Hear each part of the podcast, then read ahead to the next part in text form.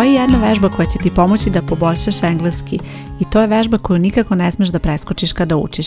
Moje ime je Zorana Radović, ja sam profesor engleskog jezika i osnivač online škole English Lane. Ovo što slušaš je English Lane podcast gdje pričamo o korisnim savjetima i lekcijama za učenje engleskog jezika. Sada slušaš epizodu broj 145 i u ovoj epizodi pričat ću o jednoj vežbi koja će ti biti veoma važna kada učiš engleski jezik zato što će ti pomoći da poboljšaš engleski i to od samog početnog nivoa, a naravno i kasnije kako napreduješ sa učenjem. Kada učiš engleski jezik, radit ćeš razne vrste vežbi i sve one su jednako važne. Dakle, sve vežbe koje imaš pred sobom, bez obzira da li su u formi vežbanja gdje ćeš testirati gramatiku ili su to neke vežbe gdje ćeš imati zadatak da nešto uradiš na konkretnu temu, nekada možda i da napišeš nešto, da prolađeš neke reči, da zapišeš neke reči. Sve su to vežbe koje imaju za cilj da ti pomognu pre svega da proveriš ono što učiš, da testiraš sebe i da vidiš kako napreduješ i uz to imaju zadatak naravno da ti pomognu, odnosno omoguće da upotrebiš ono što učiš,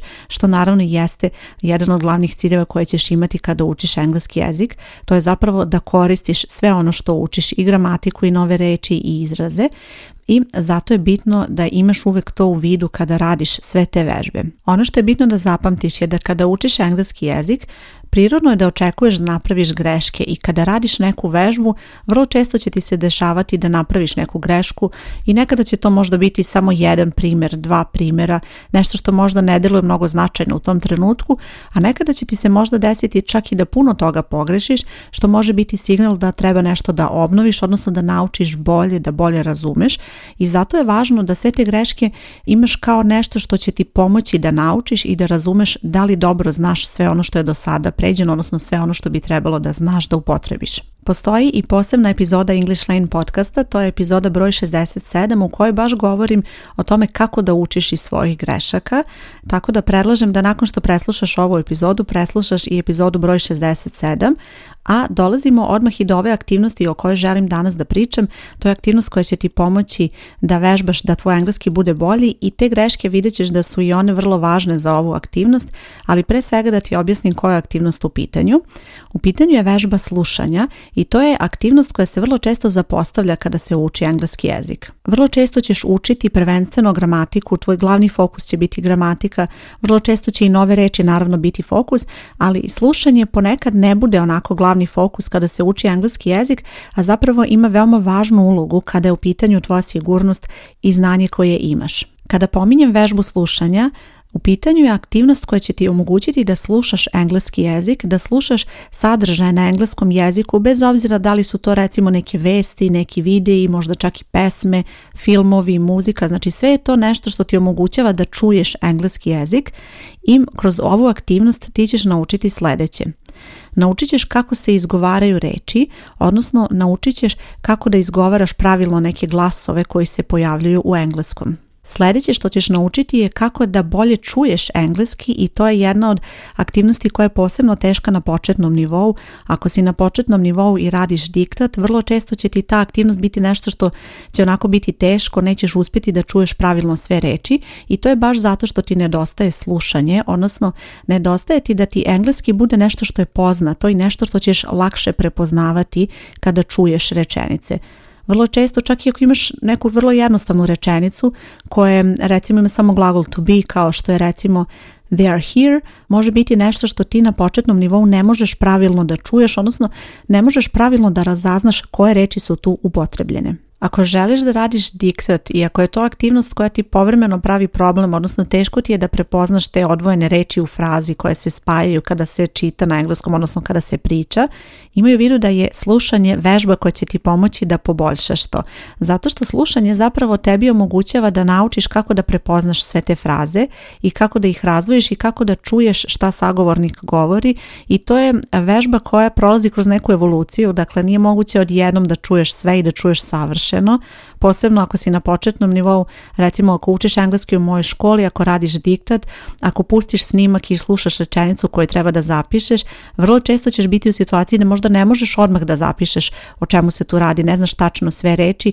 i očekivano je da ćeš slušati više puta te rečenice i to i treba da uradiš jer to je nešto što će ti pomoći pre svega naravno da uradiš taj zadatak, ali i da naučiš kako da čuješ te reči jer onda ćeš moći i da ih prepoznaš u konverzaciji i onda kada slušaš kasni engleski jezik, naučit ćeš da prepoznaš te reči i da ih čuješ lakše u govoru. Vežba slušanja će ti također pomoći da spaješ reči u fraze, a to nešto čemu ćeš težiti kako napreduješ sa učenjem engleskog jezika, tako da onda konverzacija bude na boljem nivou, odnosno da možeš bolje da spojiš reči kada želiš da nešto kažeš na engleskom, a naravno pomoći će ti i kada slušaš engleski.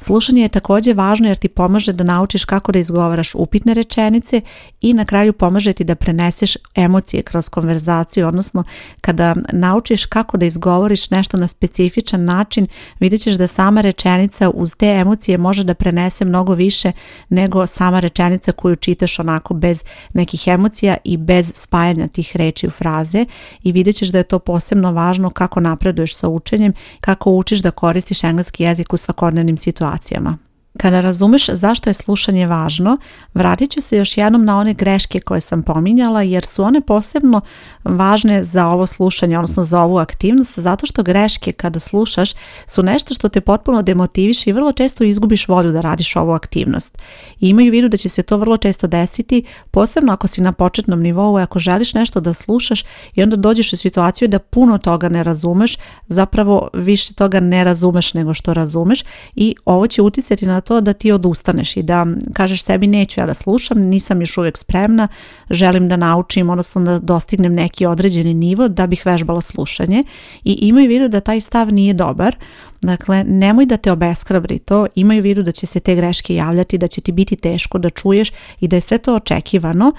ali to je jedini način da vežbaš i da napreduješ i što pre se oslobodiš, odnosno što pre počneš da radiš ovu vežbu u okviru aktivnosti koje radiš inače kada učiš engleski jezik, to će ti više značiti i pomoći ti da bolje napreduješ i da pre svega bolje koristiš engleski jezik. Znači nije dovoljno samo da učiš gramatiku, samo da učiš nove reči i da to bude to. Vrlo je bitno da je ovo jedna od aktivnosti koju moraš raditi, dakle vežba slušanja je nešto što mora da bude deo te tvoje rutine kada učiš engleski jezik, jer zapravo slušanje jeste jedna od četiri jezičke veštine, tako da ne možeš da napreduješ i tvoj engleski može da bude bolji jedino ako vežbaš i ovu aktivnost i ako radiš vežbe slušanja. I sada želim da ti dam još jedan savjet kada radiš vežbu slušanja, jer to je nešto što će ti pomoći da bolje čuješ reči.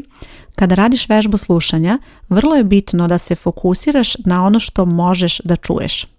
I e sada šta to znači? Kao što sam pomenula, posebno eto ako si na početnom nivou, desit će ti se da slušaš nešto i da puno toga ne možeš da čuješ, odnosno ne možeš da razumeš o čemu se radi. Tvoj fokus treba da bude ono što možeš da čuješ, odnosno ono što možeš da razumeš u tom trenutku i imaju u vidu da ako se fokusiraš na to što možeš da čuješ, tada ćeš pre svega uspjeti da uradiš tu aktivnost u određenoj meri. Naravno, možda ne uradiš sve tačno, možda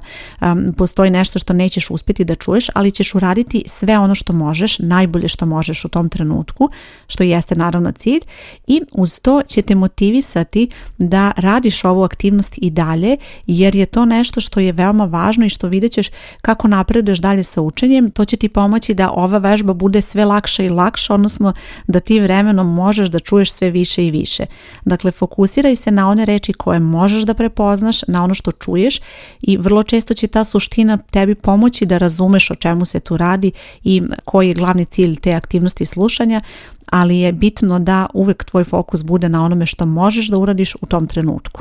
Još jedan, da kažem, bonus savjet je ovo. Koristi slušalice kada radiš vežbu slušanja.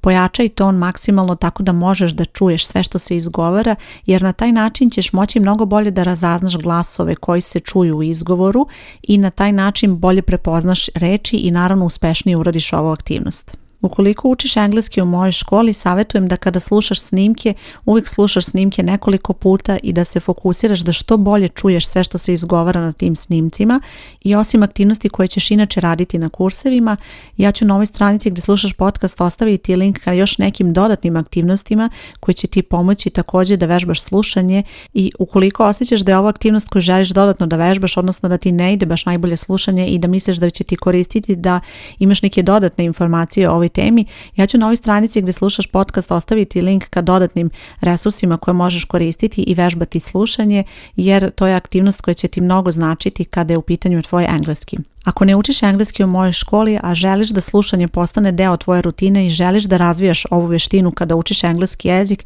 i nisi sigurna uvek šta treba da slušaš i na koji način, predlažem ti da pogledaš više o mojoj školi i kako možeš da se prijaviš. Na ovoj stranici gdje slušaš podcast bit će link gdje možeš vidjeti više o školi ili možeš potražiti English Lane online škola i tu ćeš pronaći sve detalje. Nadam se da su ti ovi savjeti bili korisni i da će ti pomoći da razumeš značaj slušanja i kako ova jedna vežba može mnogo uticati na to, ne samo kako ćeš razumeti sagovornika, već i kako ćeš biti u stanju da pričaš na engleskom. Hvala ti što slušaš podcast, moje ime Zorana Radović i čujemo se uskoro. Ćao!